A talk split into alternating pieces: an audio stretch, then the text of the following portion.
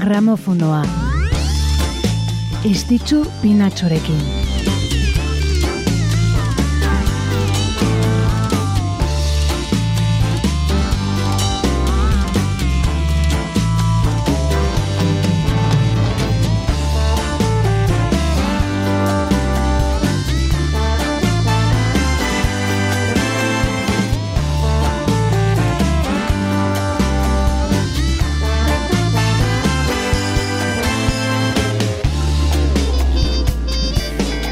Arratxaldeon, arratxaldeon denoi eta ongi etorri gramofonora. Azaroak ameka ditu gaur eta asteko errepasua egiteko pres gaudegu. Asteko musika efemeridei ekiteko pres. Gertakaririk nagusienak ekarriko ditugu eta hoiek testu inguruan jarri. Eta osatzeko, ba, kanturik esanguratsuenekin jantziko ditugu. Erran bezala, azararen ameka da gaur, eta larun batero egin ohi dugun bezala ordu erditxo batez hariko gara, musikarik onenarekin lagunduta. Eta horretarako gure gaurko bidaiari ekiteko, larogeita amargarren amarkadako ingalaterrara eginen dugu salto.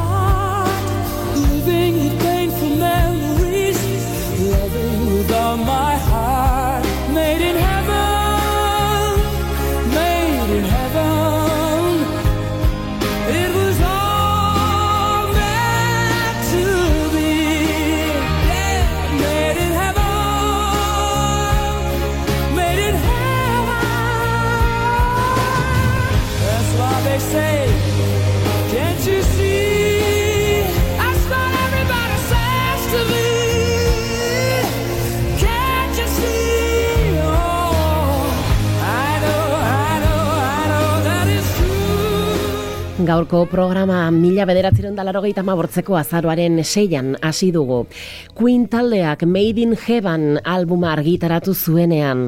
Disko hau Freddie Mercuryren ahots paregabeari egindako omenaldi, ba, unkigarria izan zen. Kantaria hil eta lau urte beranduago argitaratu zuten, hilaintzinetik Freddie Mercuryk egindako grabazio batzuei esker. Rockaren historiako frontman eh, karismatikoenetako bat izan zen Freddie Mercury, Zanzibarren jaio zen Farrok Bulsara izenarekin, eta bere ahotsaren indarra, teknika eta estenatokian zuen presentziarengatik mundu mailako abeslaririk onenetako bat izan zen Freddie Mercury.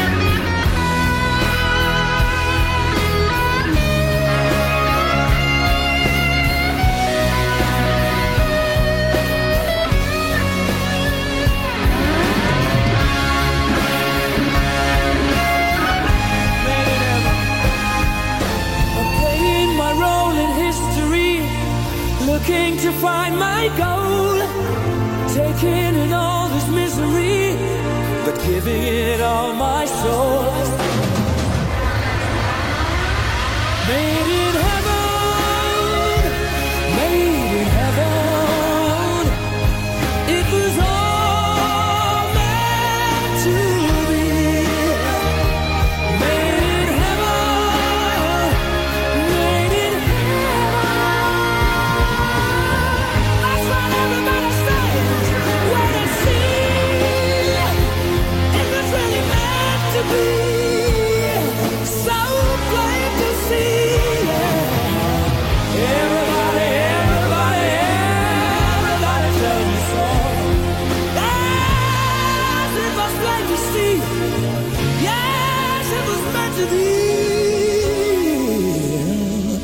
written in the stars. Written in the stars.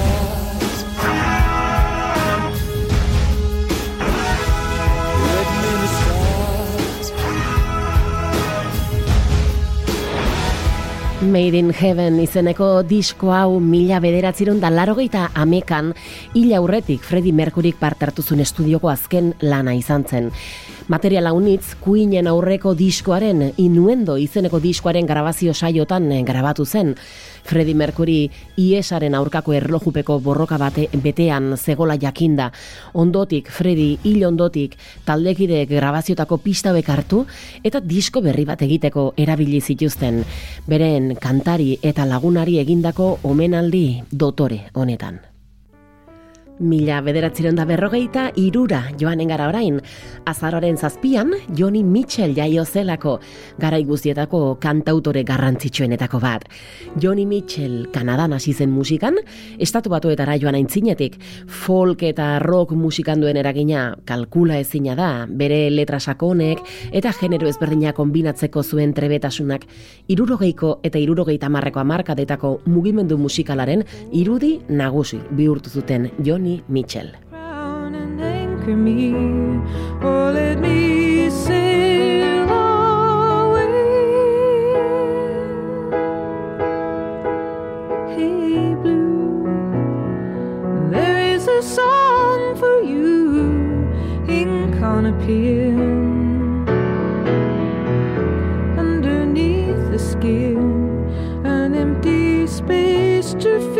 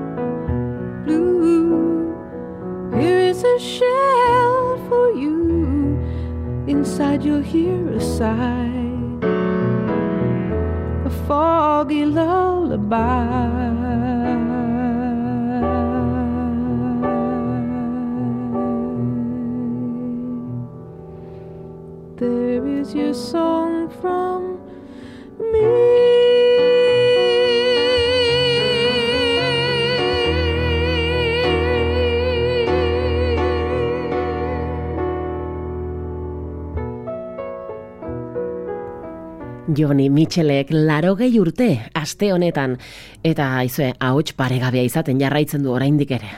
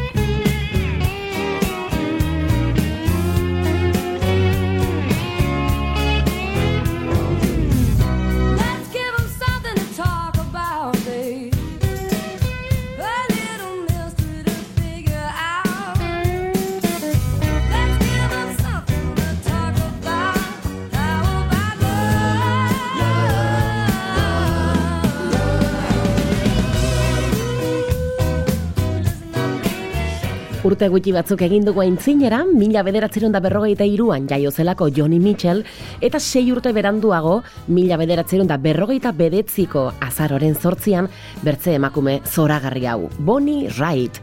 Abeslari gitarrista eta kompositorea bera, Sly gitarra jotzeko zuen trebetasunagatik egintzen ezagun Bonnie Wright, eta horrek nabarmendu zun. Bluesa, roka eta folk musika uztartu zitun, eta mundu mailara edatu zen bere musika. Emeretzi albumek osatzen dute Bonnie Wrighten diskografia, azkena iaz bertan argitaratua, Bino seguru aski, larogeita bedetzian kaleratutako Nick of Time izan zen mundu mailako ospea eman ziona, baita iru grami sari ere. Asteazkenean izan zen bere urte betetze eguna, irurogeita amala urte, Bonnie Wrightek. Gramofonoa. Istitzu pinatxorekin. Gramofonoan gaude bai, naiz irratian, asteko efemerideak errepasatzen ari gara, eta jarraian azararen bederatzira joanen gara. Egun honetan, mila bederatzen da berrogeita bateko azaroaren bederatzean alegia, Tom Fogerty jaio zelako Creedence Clearwater Revival talde ospetsuko funtsezko kide hoietako bat. John Fogerty anaiarekin, Stu Cookekin eta Doug Cliffordekin batera Creedence Clearwater Revival taldea sortuzuna. Irurogeiko eta irurogeita amarreko amarkadan gertatu zen hori, eta karaiko rock talderik garrantzitsuenetako bat izan zen. Fortunate Son, Bad Moon Rising edota Proud Mary abestiak rockaren ereserki bihurtu ziren hegoaldeko rockaren kutsua emanez. Bere anaia, John zen Creedence Clearwater Revival taldeko ahots eta kompositore nagusia, bino Tom ahotsen harmonia zarduratzen zen eta zenbait kantu ere idatzi zituen.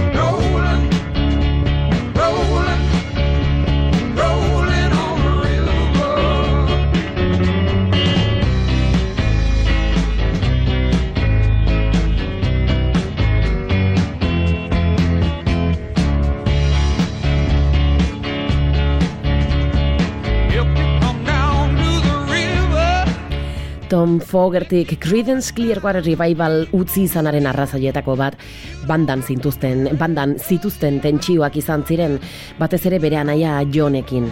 Sormen prozesuan zituzten ezberdintasunengatik eta ba, tirabira pertsonalak tarteko ba, banantzea ekarri zuten. Tomek bere bakarkako bidea hasizun eta taldeak aintzinera segituzun John Fogertiren gidaritzapean. Hau mila bederatzeren da irurogeita mekan gertatu zen, eta Tom bakarka country rock eta folk soinuan oinarritu zen. Etzun bere anaiaren adinako arrakastarik lortu akaso, mino musika egiten eta albumak grabatzen jarraituzun. Eta lendik Creedence Clearwater Revival jarraitzen zuten musikazaleek, eta baita kritikak ere haunitz estimatutako diskoak argitaratu zitun. Tamales, Tom Fogerty mila bederatzerun dalarogeita amarreko irailaren seian zendu zen, gazte, berrogeita zortzi urte zitula, iesarekin lotutako komplikazioen ondorioz. Azararen bederatzean jarraituko dugu, bino kasu honetan, irurogeita bateko azaroaren bedetzian. Egun honetan, rokaren historiako gertakari erabakigarri bat eman zelako. Love, love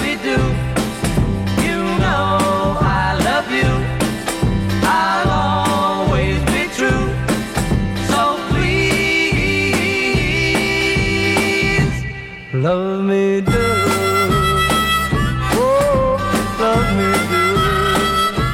Izan ere, Brian Epsteinek eh, aditzen dugun talde hause, The Beatles taldea, lehen aldiz ikusi zuelako ba, Liverpooleko The Cavern tabernan.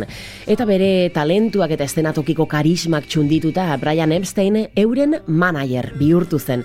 Eta ba, bueno, ba, mundu mailako ospera gidatu zitun. John Lennon, Paul McCartney, George Harrison eta Ringo Starrekin The Beatles garai guztietako talderik garrantzitsuenetako bat bihurtuz.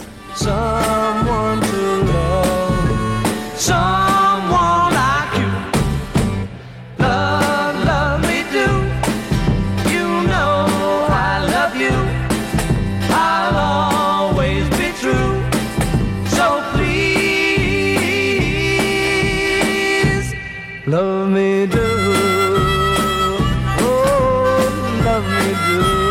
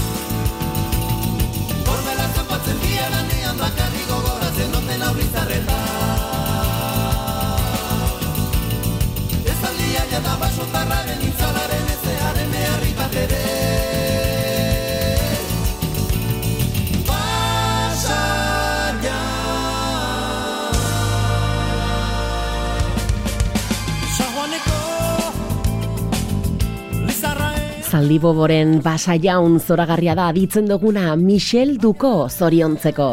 Michel Dukoren urtebetetze eguna izan delako aste honetan. Errobi sortuzun, Anje Dualderekin batera, Gerosiago etorri ziren orkestra Mondragon, Zaldibobo, Joseba Tapiarekin batera, Caroline Phillips emaztearekin bidaia taldea, Tiktara proiektua ere bai, eta gaur egun oreka teixakoen hainbat proiektutan parte hartzen du, tradizioaren, folklorearen, gure sustraien berrinterpretazio bat eskainiz. Gauza handiak egindakoa da Michel Duko musikaria parta, gitarrarekin, saxoarekin, zoragarria eta konposatzaile bikaina. Ba, erran bezala, belarritik tiratu beharrekoa aste honetan, eren egun irurogeita amabi urte bete zitulako Michel Duko baionarrak.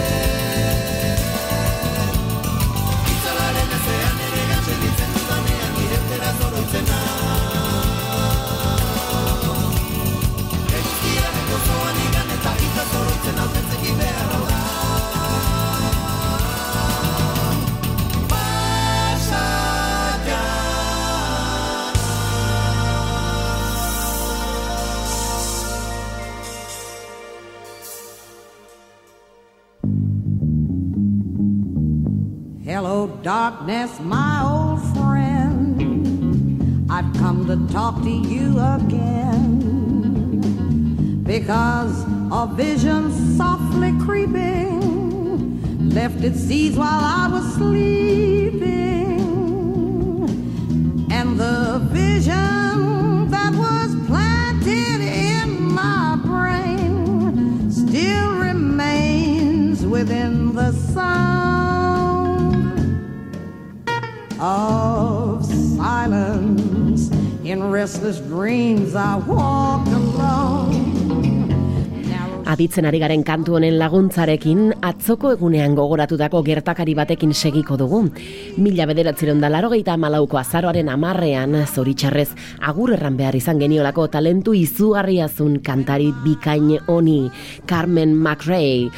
Carmen McRae bai jazz abeslari ospetsua, ahots paregabeazun eta kantatzerakoan emozio handiko interpretazioak oparitzen zituen.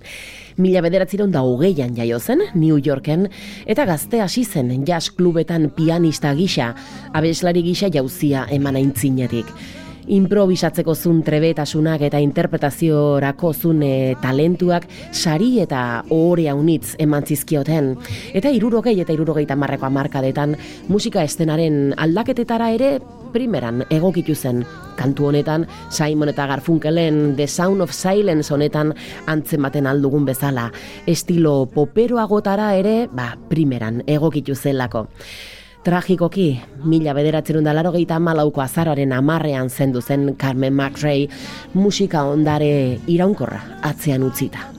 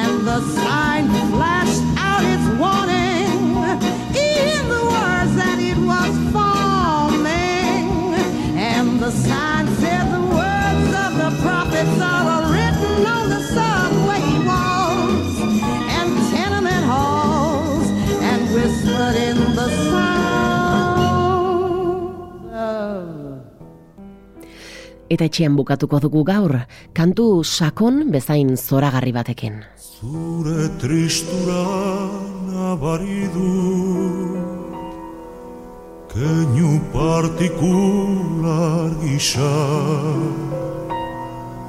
Dintasunezan tristea Nola nahi zenuken izan Dintasunezan tristea kaletan zoazenean. Espainia grabel isuri bihotza oina zepean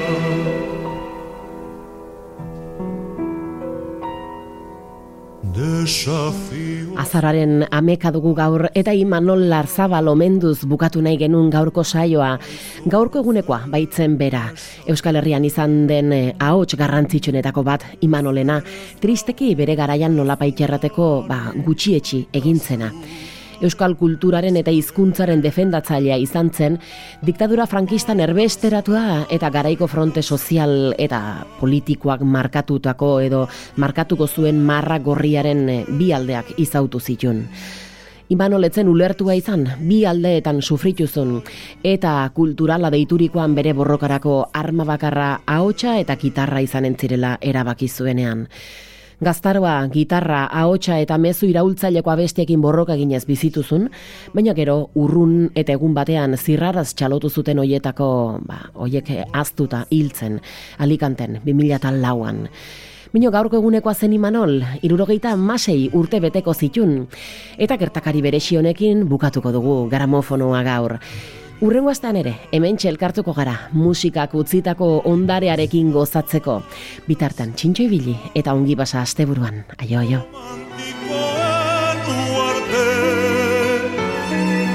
Penak desegin gozaitu odola izoztu arte